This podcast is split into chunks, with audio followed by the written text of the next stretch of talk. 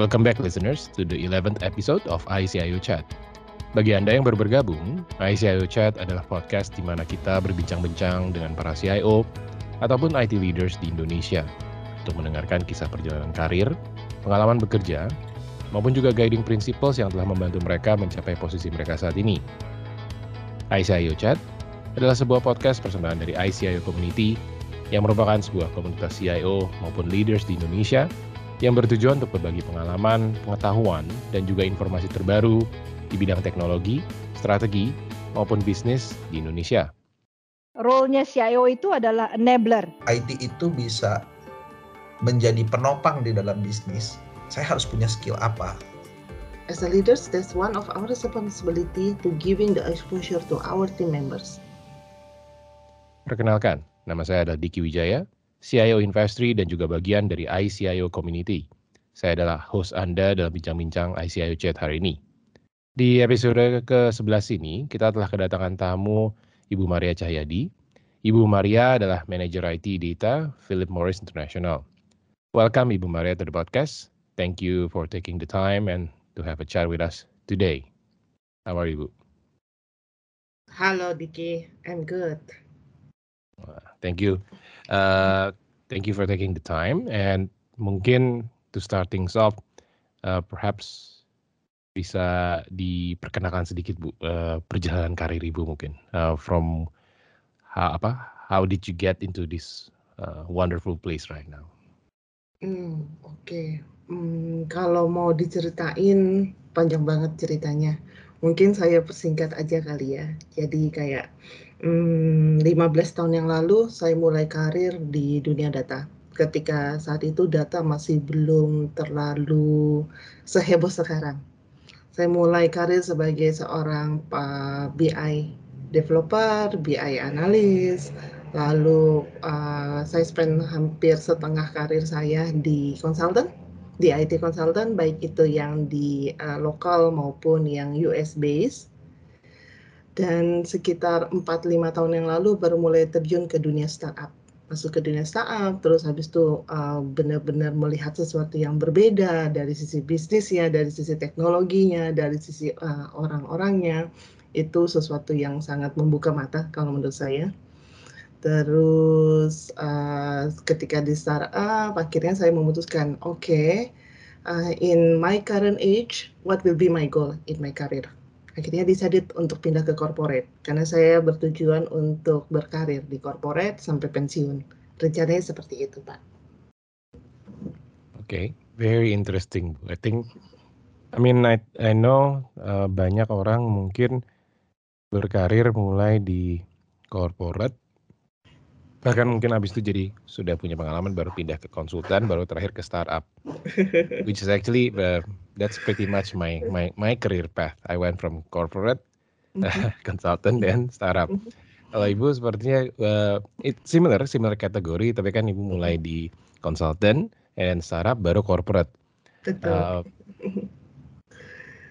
why uh, bukan why lah mm. tapi Mia, let's go with why first. why did you why did you choose the corporate to be the the end game lah mungkin atau terakhirnya gitu? Hmm, bisa dibilang saya melihatnya seperti ini.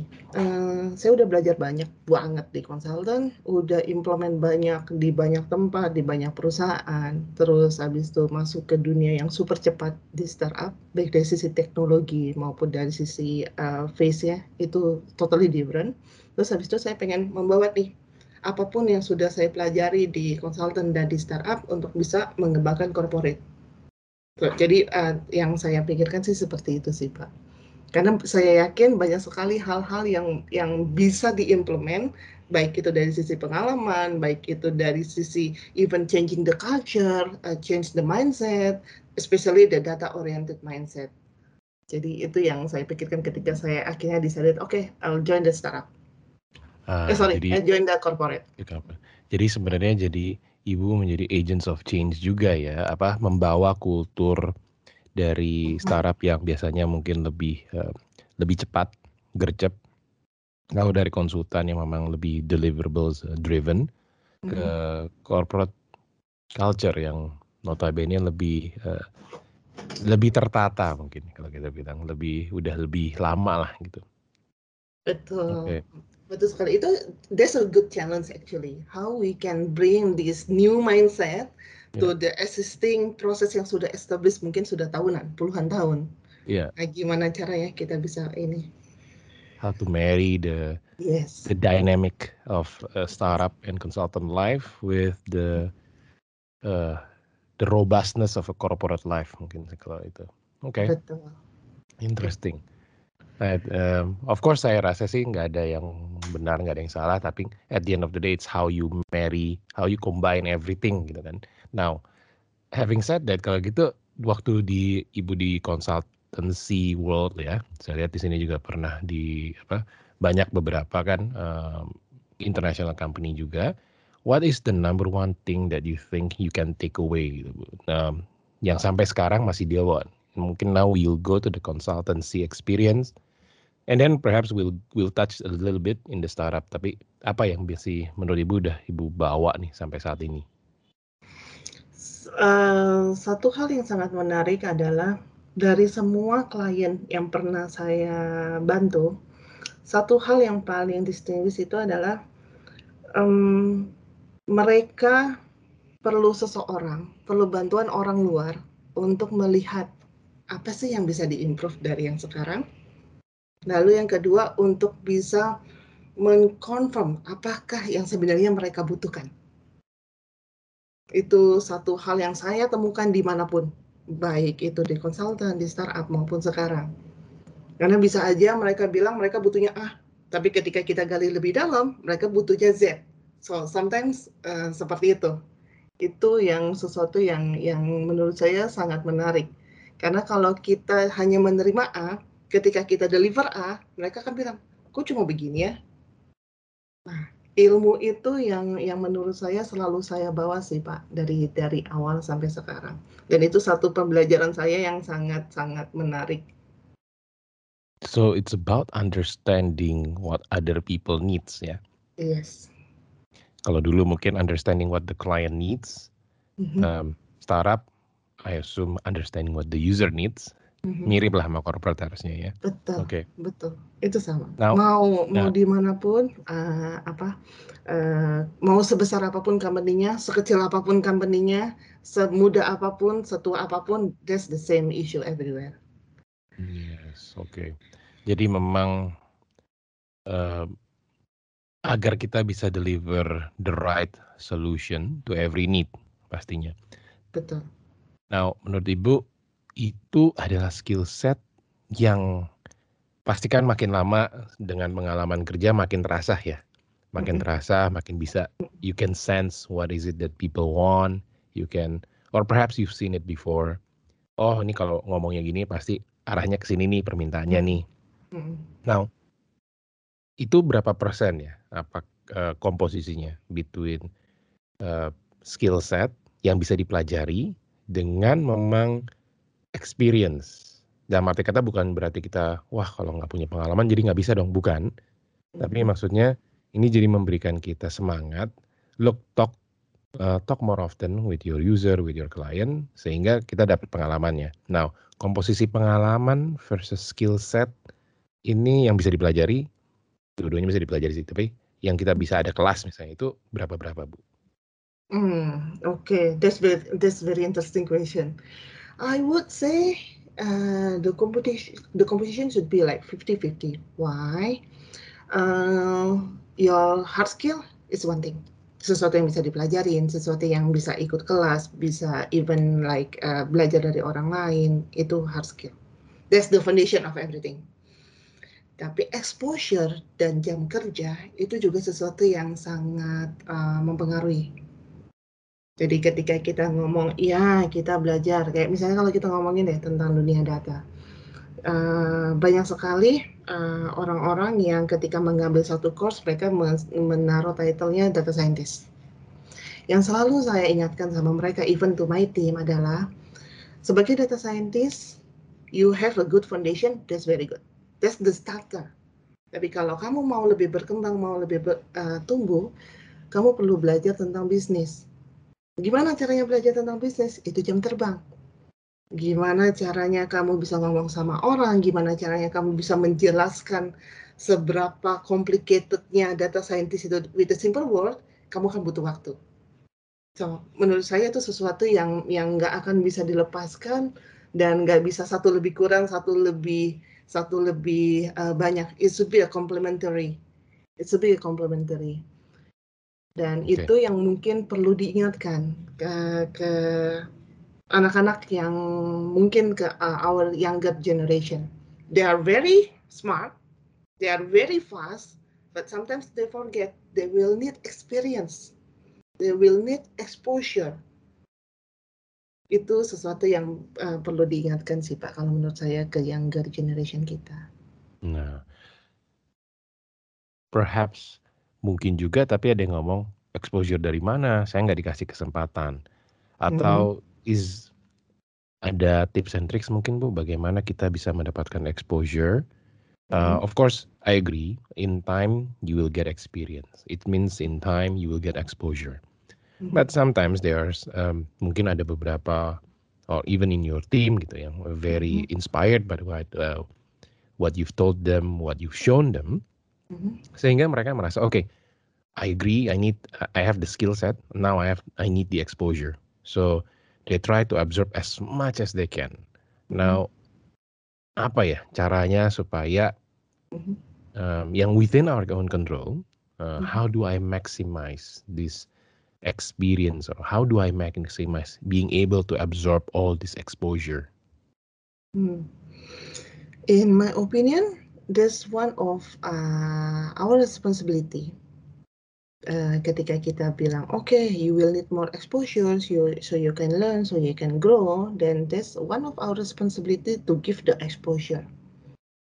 How we can give the exposure to create the opportunity. So, as leaders um, maksudnya Ibu ya? Yes, as a leaders. As a leaders, that's one of our responsibility to giving the exposure to our team members. Dan ketika kita tahu, oke, okay, ketika kita tahu uh, apa pun yang kita kerjakan sekarang, or maybe in within our team, they will not get this exposure, then maybe we should start to look into other team, and then how we can working together to one of course to solve the business problem and then the second thing is like to giving the exposure to our team hmm. the collaboration mm-hmm. nah interesting ibu ini mm-hmm. mungkin saya uh, kita masuk ke apa as a leader right. I agree that we and I think Bu Yesi juga pernah mention dulu that we need to give the opportunity right to our team jangan kita cuma ngomong oh kamu mm-hmm. butuh skill set kamu butuh experience apa exposure tapi kita nggak ngasih gitu that's just wrong. Uh, but as a leader, terkadang kan kita juga merasa, wah, hmm? Ini orang yang kita send udah ready belum ya? Gitu. Atau hmm. kita kan at the end of the day we also have to deliver. Ada rasa-rasa khawatir gitu. So hmm. takutnya malah jadinya kan kita kasihnya ke orang yang kita percaya terus nih. Hmm. Oh, this one will deliver. Okay, let's let's ask them. Nah, itu balancingnya gimana as leaders ya? how you see hmm. that how how do you see that hmm hmm oke okay. hmm ketika kita memberikan mereka opportunity of course we will expect them to fail. It's impossible. Akan fail is impossible. The one yang kita at least we have to prepare ourselves. When they fail what is the plan B? So when we itu yang uh, we should have in our mind. Okay? we are giving them the opportunity, but we know that we expect them to fail, and then we prepare the plan B, and then the plan B could be like kita selalu ada di situ sama mereka. We have this regular catch up to make sure they are going to the right path.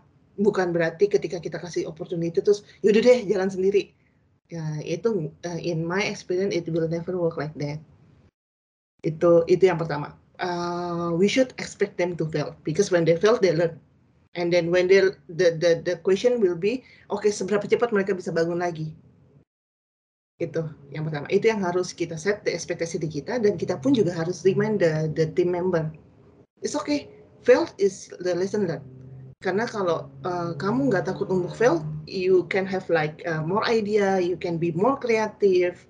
If you have any issue or you have like any problem or you have a even like a simple question just ask me.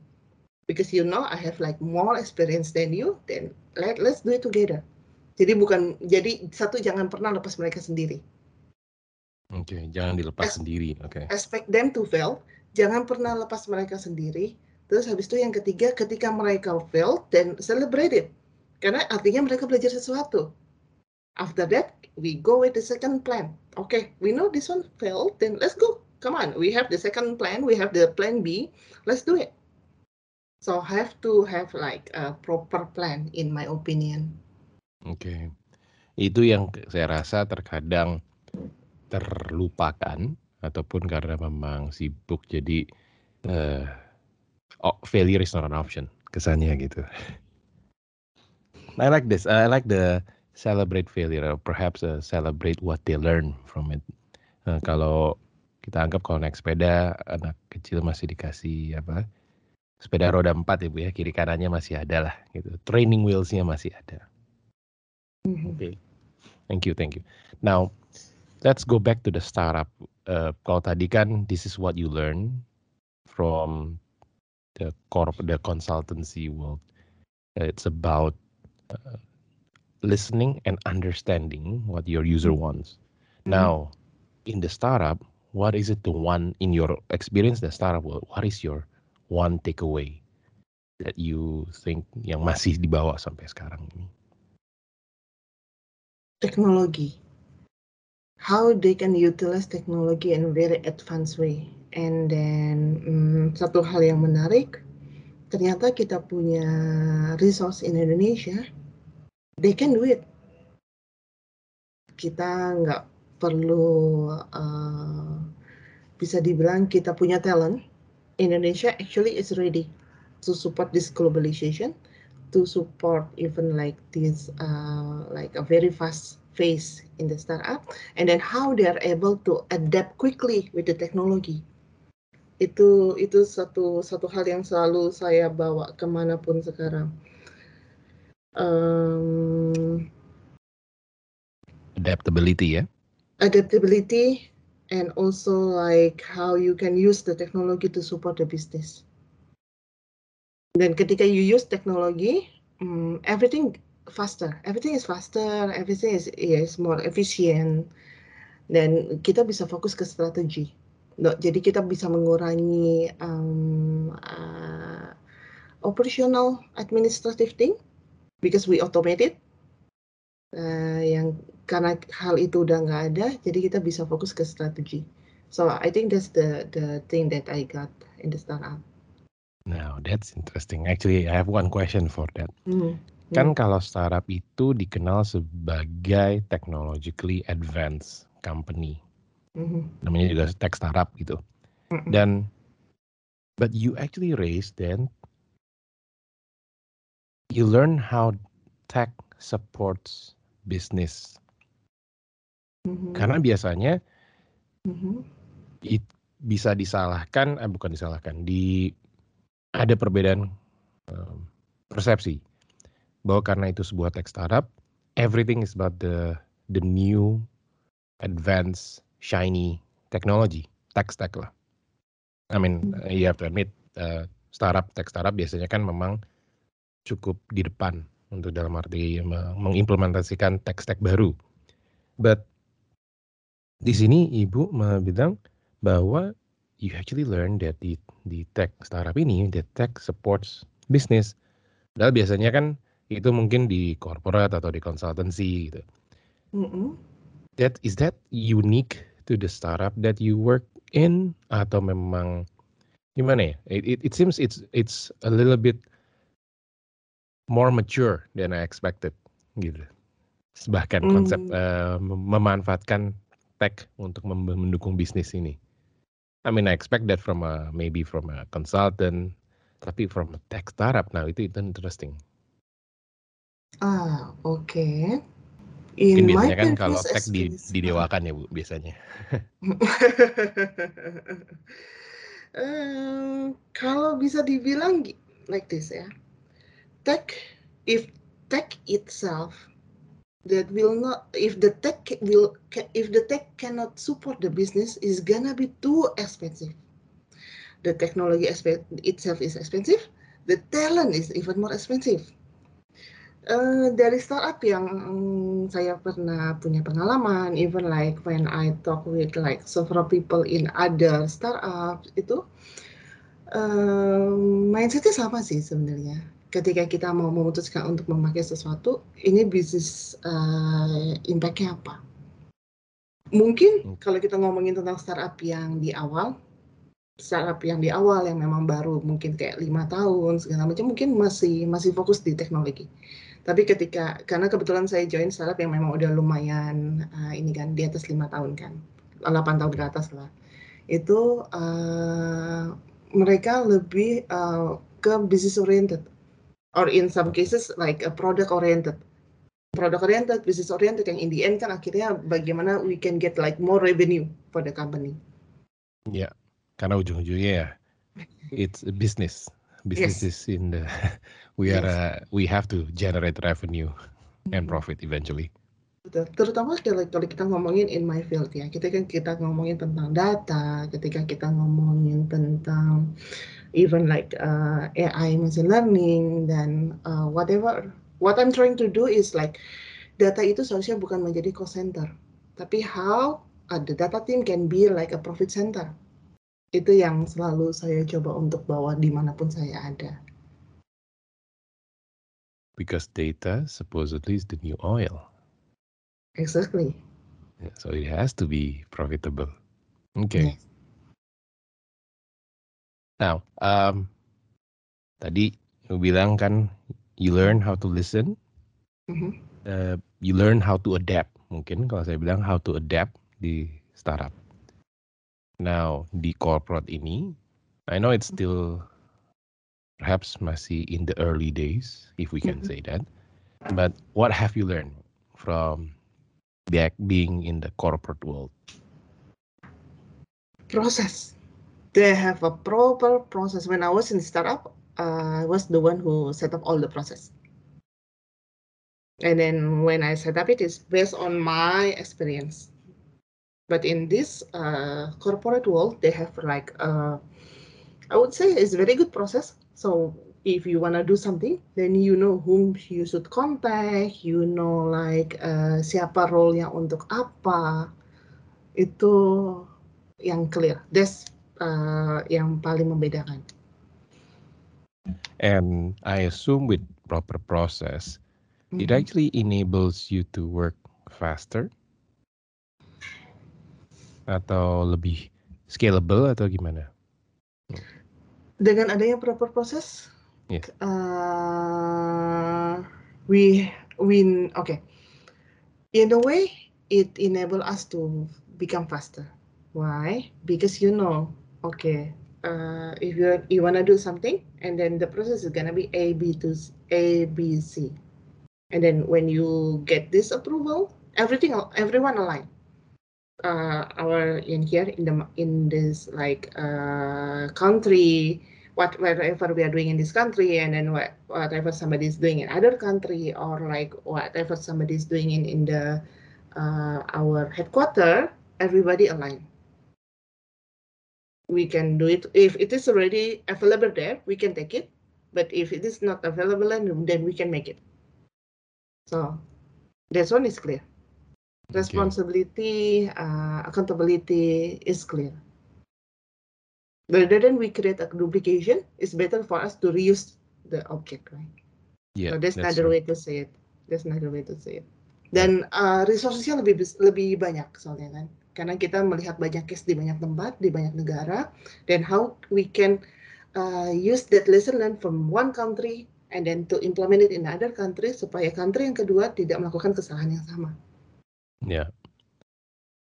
Now, is there a possi apa a possibility itu menjadi over di mana prosesnya jadi over banyak banget mm-hmm. that it becomes too bureaucratic mm-hmm. or dikit-dikit mesti ngikutin proses ini dikit, jadi nggak ada yang on the fly lagi gitu atau nggak you lose a little bit of agility is there a risk for that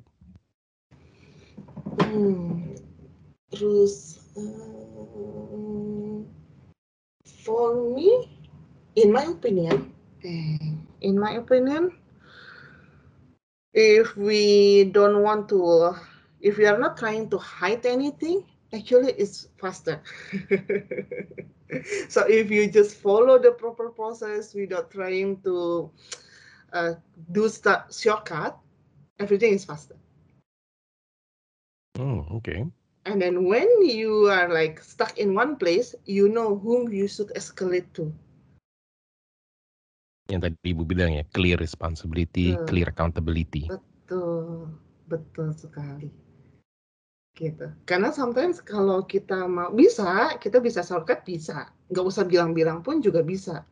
Tapi ketika audit happen, who will take responsibility on that? Iya. And Dan then kalau kita bilang Mm-mm. pada kerjaan kalau dia nggak ngomong nanti orangnya resign, terus siapa yang ngerti gitu ya? Itu yang kedua, betul sekali. Dan kalau kita ngomongin tentang this one, like a bigger scale, we, we are talking about data. Data leak lah, as simple as that. Ya, if we do the shortcut, if we do take, if we take the shortcut and then data leak happen, who they will contact first? Of course, they will contact the one who's managing the data. So itu I don't think there's a risk yang uh, perlu kita ambil sih. So I will stay, I will stay with this proper process, just follow it, and then if it is stuck, then do the escalation because we know uh, at least as a company we agree is a business uh, oriented company Oke. Clear process, clear responsibility, clear accountability supaya Mhm. bisa bertumbuh dengan lebih cepat lah. Mm-mm. Right. Now, kalau kita go backwards, kan, do you think you you you brought the ability to listen dari consultancy ke startup world, Bu. And then from startup world you brought the ability to listen and the ability to be adapt apa uh, adaptable to the corporate world. Nah, kalau kita balikin arahnya, sekarang Mhm. kalau dari corporate world you learn about process, proper Mhm. process. Mhm. Um, you did mention that di startup pun you you you put in place the process. Mhm. Nah, tapi kalau kita balikin, artinya bisa nggak di waktu di dari kor, eh, di startup worldnya ya bahwa this process way of thinking udah, I assume your ability to create process juga udah meningkat nih begitu masuk Mhm. corporate gitu kan. You you seen, oh ma, oh wow, this is how you do process. Gitu. There's how you do process, there is how you do process gitu. Mhm. Mhm. Nah, itu dibalikin, apakah bisa di startup itu membuat proses yang seperti corporate? Or is it too burdensome for a startup? Mm, I would say I would adjust it. I would adjust it because like um, uh, sometimes the it, it depends like how big is the startup ya. Karena sometimes like if you're like in this middle uh, like with people yang nggak terlalu banyak itu um, ada satu atau dua orang yang bisa rangkap role. So meaning we cannot like have like a clear uh, ini uh, responsibility accountability gitu. So it's gonna be depends on the startup size actually. Kalau startup yang very big, you have everybody in every team to do their own uh, job, then we can do it. We can just copy paste that one. But tapi kalau mu- uh, lebih size yang lebih kecil, then we need to adjust it. That's what I will do. Jadi sebenarnya menggabungkan the ability to adapt yang di startup itu dengan proper process. So you Mhm. still uh, implement the process, but adaptable process mungkin. Betul, bisa Hmm. dibilang begitu. Tergantung itu kali, tergantung size-nya, tergantung ininya. Oke. Nah kalau kita balikin ke consultancy, you think consultancy be would atau memang sudah ada that ability to be adaptable, that process di consultancy. Proses pasti ada, Terutama kalau udah multinational ya kali ya. betul, betul. Kalau udah multinasional, proses pasti ada, is clear. Uh, yang adaptable mungkin yang perlu di ini kan. Ketika kita ngomongin konsultasi, and then like if you are selling product, itu lebih limited kan, ada limitation. Dan kit, yang what we can do is like how we can tell them, how we can give the input, hi guys, the technology is beyond this now. If we only selling this specific product, how we can adapt? That's the one thing that we can do when we're talking about this uh, consultancy. And then when we're talking about like the people in the consultant, um, one they have to aware apa yang terjadi di dunia luaran dan I would suggest for them to learn from the startup untuk uh, make sure ketika they meet their uh, new uh, customer they will be able to give like the the latest technology uh, and also like to do like this uh, sharing sharing session how the startup they, uh, do it and then how this a new customer can adapt. So that's what I will do. Oke. Ya memang terkadang Mhm. kita ibaratnya I think especially as consultants. Uh, I mean, I mean, I- sorry, let me rephrase. I don't think it should it's limited to consultants as well, tapi di bidang apa pun kita, di industri apa pun, I think we always have to look uh, everywhere else, right? To see at least with a curious set of eyes to Mhm. see what we can learn from other industries. Um, Karena mungkin banyak kalau orang yang kerja di startup kan kalau ditanya, oh iya saya nggak mau kerja di corporate, too too stuffy atau terlalu wah terlalu banyak proses. But I think there is a reason why corporate are that big because you know the process has helped them get to that size. Mhm. Atau yang mungkin kita bilang apa, uh, it, it's just a process of a company growing up. Kalau kayak anak kecil kan mungkin masih banyak main-main, eh, but as we grow up, we become more of an adult, we Mhm. lebih tertata lah gitu. Mhm. Oke, interesting. Now, well, Mhm. it seems that you've you've chosen analysis as or data Mhm.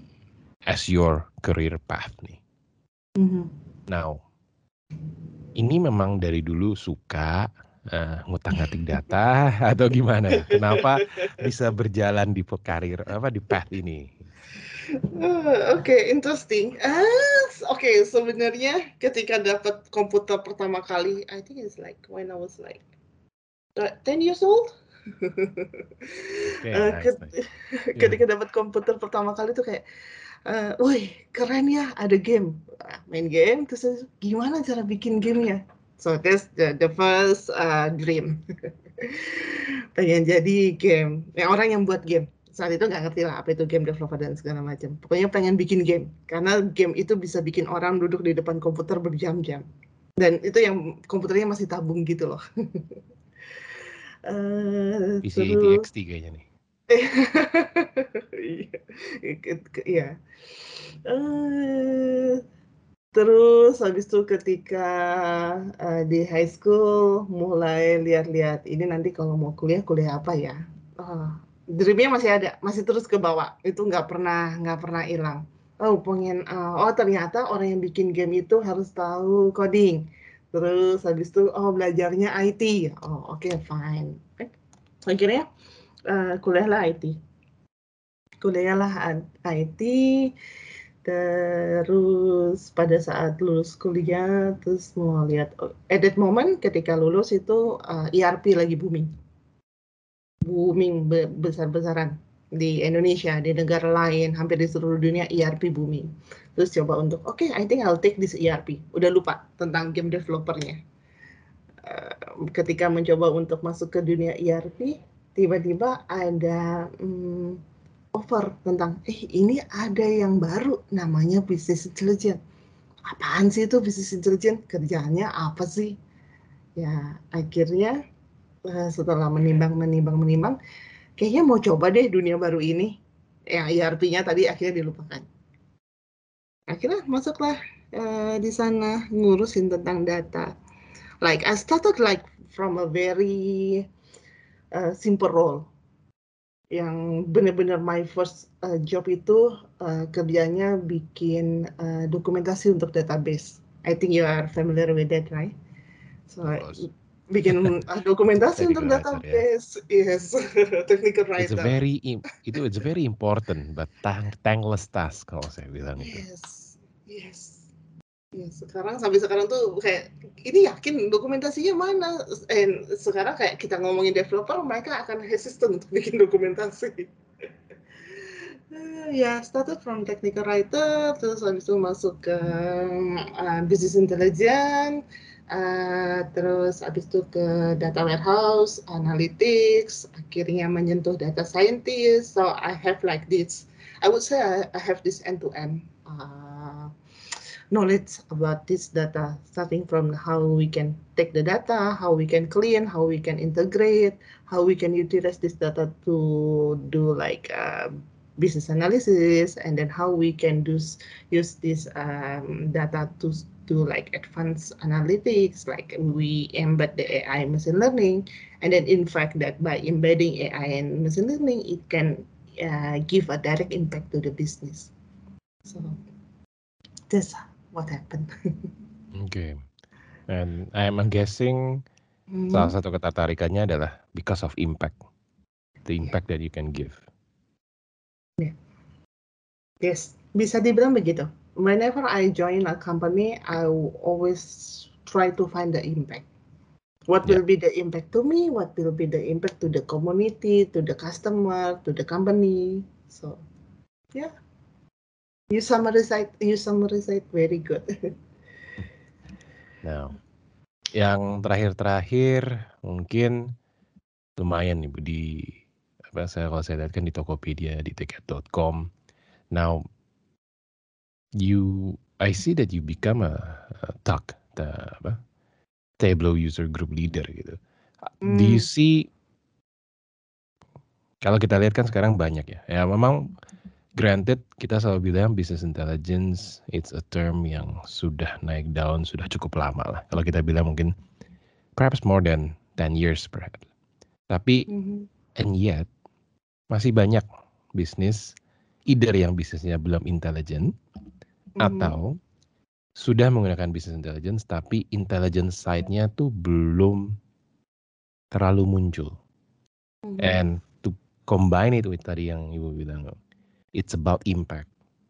Mm-hmm. Now, how do you see internally when when when you have to when you want to deliver impact?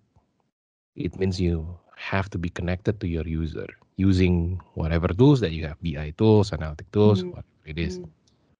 Biasanya prosesnya tuh what is the most important part untuk bisa uh, kita mulai nih perjalanan to deliver impact. I'm sure delivering impact takes uh, takes time, tapi mm-hmm. langkah-langkah apa yang harus dipastikan kita lakukan? Mm, okay, understand the business first. That one. When you because like uh, your main user is the business user, right? Understand the business first, then you will have one language with them. Once you have one language with them, they will be more open itu satu. Ketika kita ngerti bisnis, kita bisa ngomong bahasa bisnis, kita bisa nyambung dengan bisnis user kita, kita bisa mengerti. And then uh, mereka akan cerita, mereka akan cerita pain point-nya apa, mereka akan cerita mereka butuhnya apa. Dan dari situ you can add on your experience. Ketika you really know what is the root cause, then you can bring your experience either you can like giving any solution or you you can like sim as simple as like updating the process. Itu yang kedua. Terus abis itu yang ketiga uh, change the mindset. Oh, this is the most difficult thing. Change the mindset. Change the mindset and then how we can embed like uh, new mindset, new process. and then how we can make them aware whatever we are doing is for them, is for the business. So that's how I did it. Okay. And then including like that one. So I have this experience. Then I joined the community so I can teach or at least I can share whatever I did, how I did it to the community. That's another way for me to give an impact. Yeah. And I think it the key Mhm. all this is perhaps your communication. Nah, I think you raised it earlier di mana ketika kita mencoba memahami pihak Hmm. bisnis atau sisi bisnis sisi user kita ya, Mhm. it's like you're speaking the same language. Dan Mhm. kita tahu kalau ujung-ujungnya kalau kita mau ngomong sama orang ya ada dua kan ya. Kalau ngomong bahasa yang sama ya udah pasti kita ngomong bahasa Indonesia Indonesia atau Inggris Inggris. That's very important. Mhm. but also it's about same perspective juga. Mhm. Mhm. Terkadang orang mungkin lupa bahwa it's about the perspective. If you understand their perspective, it's almost as if you're speaking the same language. Karena kan bisnis selalu mikirnya kan how we grow business, how we gain more revenue or profit, etc. Sementara kalau kita mungkin terkadang melihatnya hanya apa dari segi yang berbeda, which mungkin nggak align seperti itu. Mhm. Betul. Oke.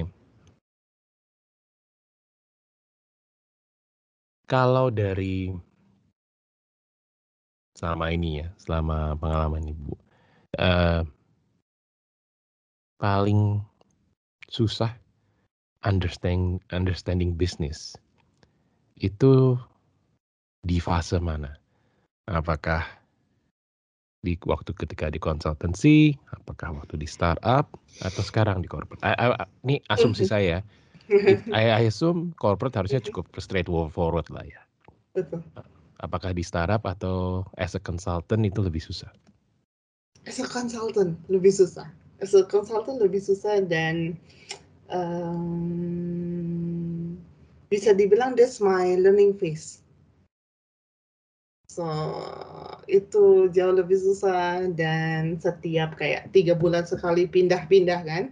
Eh, di tiga bulan pertama di customer di customer A, tiga bulan selanjutnya di customer B. Oh ada enhancement balik lagi ke customer A dan bisa aja karena mereka ketemu banyak orang, ketemu banyak konsultan, uh, within the consultant itself bisa aja nggak align.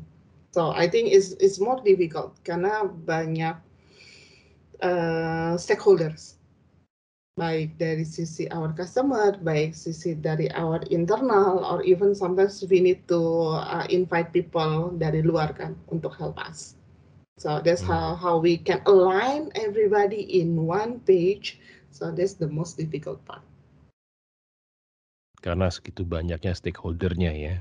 Betul, segitu banyak stakeholder dan even kayak kita bisa punya stakeholder yang tiba-tiba didatengin cuma untuk dua minggu, terus habis itu uh, dan dia pergi lagi dan kita yang ada di sini yang harus mengimplement apa pun itu.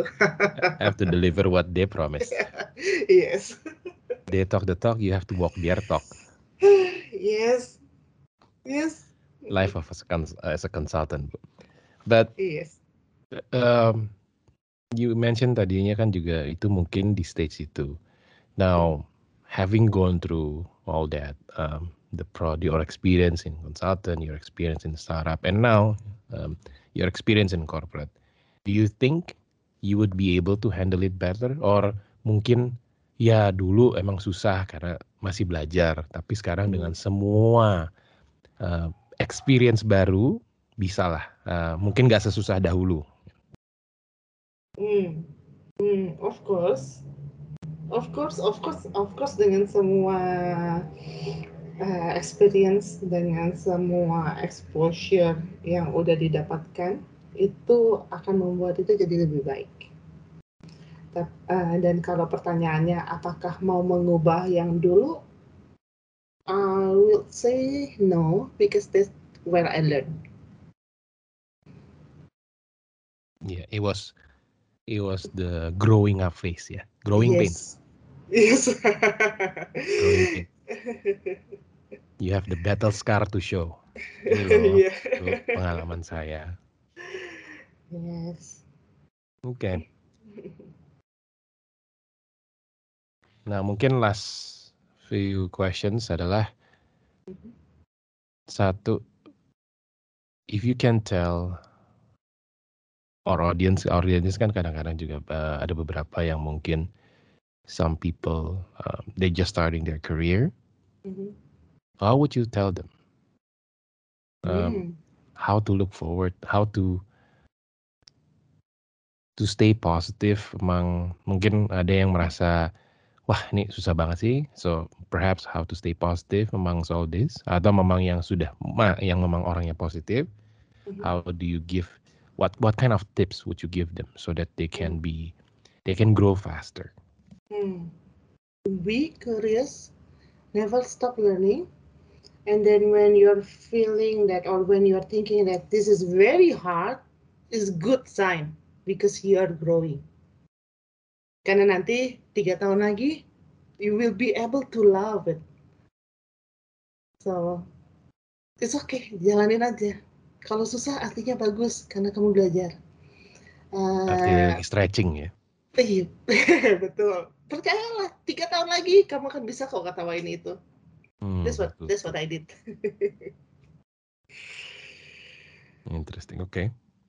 Now, kalau itu untuk yang pendengar-pendengar yang lagi memulai. Kalau kalau untuk orang-orang yang di dunia BI, business intelligence or analytics, Mhm. What's your suggestions so that they can increase their impact for their business or for their users? Hmm. Um, belajar tentang bisnis. Belajar tentang bisnis and whatever you're doing, you should think the business impact or the business outcome that you want to achieve. Oke. Itu. Sebenarnya kalau gitu mereka semua harus di belajar jadi pengalaman konsultan dulu kayaknya Bu ya. Karena kalau konsultan kan you have to focus on the clients, right? Client is always right. client is always right. Ah, there's another story. Dan yang pasti kalau you are in the data world, uh, if your um, if you cannot get any ex- exposure that you need, then create it by yourself. I mean kayak uh, you can join like this freelance. Ada banyak banget yang kayak uh, apa project di luaran yang butuh talent.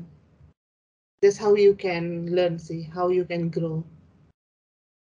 Gitu. Kalau in your current job you cannot get any exposure, don't stop there. Karena kalau kamu nggak lakukan itu, orang lain akan melakukan. If not yourself, who is who else is gonna care about it? Yes. Okay, I'm mindful of time. Mhm. So, uh, thank you Bu Maria for this. And biasanya saya selalu coba uh, summarize uh, certain points dari diskusi kita hari ini. So, Bu Maria ini interesting that she her career path has taken her through consultancy industry ke startup lalu corporate. Um, unique, it's a very unique path, and but I think ini menjadi memberikan beliau a comprehensive experience throughout the different aspect, the different angles of a working life. Bisa melihat dari sisi konsultan, bisa melihat dari perusahaan yang sedang membangun ataupun sedang mencoba membesar apa bertumbuh lebih besar dan juga dari company yang sudah notabene sudah besar. And I think what's fantastic sometimes, well actually not sometimes, is that what's important from every any experience that what is it that you learn, right? And what she shared is that di dunia consultancy, she learned how to listen, how to listen to your client, how to listen to your users. I mean, at the end of the day, you kind of have to. The client is always right. So, unfortunately, uh, if you want to survive, you have to learn how to listen. But I think that's very useful for uh, further uh, interactions down the road in her career. And then in startup, she learns how to be adaptable. Um, I think the adaptability here it's because the startup world is usually known as a very dynamic world or as a fly on the on the edge of your seat kind of world. Uh, apakah karena itu memang dinamisme apa dinamikanya atau memang excitementnya atau memang karena terkadang startup belum membuat rencana yang panjang-panjang yang penting jalan dulu. Now from there banting 180 derajat ke corporate world di mana she learn about process where everything is about process in corporate world. And Ya setelah di summarize ini baru kelihatan gitu ya, ternyata banting sentirnya tuh lumayan loh, dari startup yang terbang, uh, kalau kita bilangnya adalah membang apa, mikirin prosesnya sambil jalanin, sementara masuk teksnya ke corporate world di mana everything about process. But she learned that process would help to will help you in realizing what is everyone's responsibility. Um, it creates a proper culture where accountability is clear, clear, clear accountability. And that would enable you to work much faster. When you have a proper process, you can work much faster. And of course, I assume it would help you scale bigger. Then her input for people who's uh, just starting out in their career is that you have to be curious you have to be curious. You have to always want to learn never stop learning. And sometimes when you think it's hard don't worry. It means you're stretching. Uh, in due time you will be able to look back and say oh i did that. She mentioned three years. Hopefully i think everyone listening hope it's not three years. It's more like three months.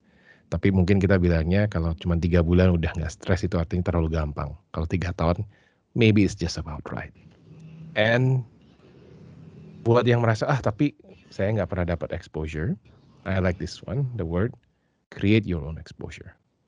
Find it. Don't leave it to other people to give you the opportunity or give you or show you the kind of exposure that you can get. You have to create it.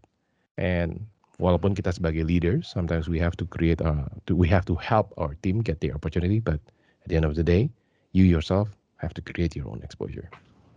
Thank you, Bu Maria, for the time. Hopefully, thank you. Yeah. And thank you, listeners, uh, for listening. And we'll see you in the next episode.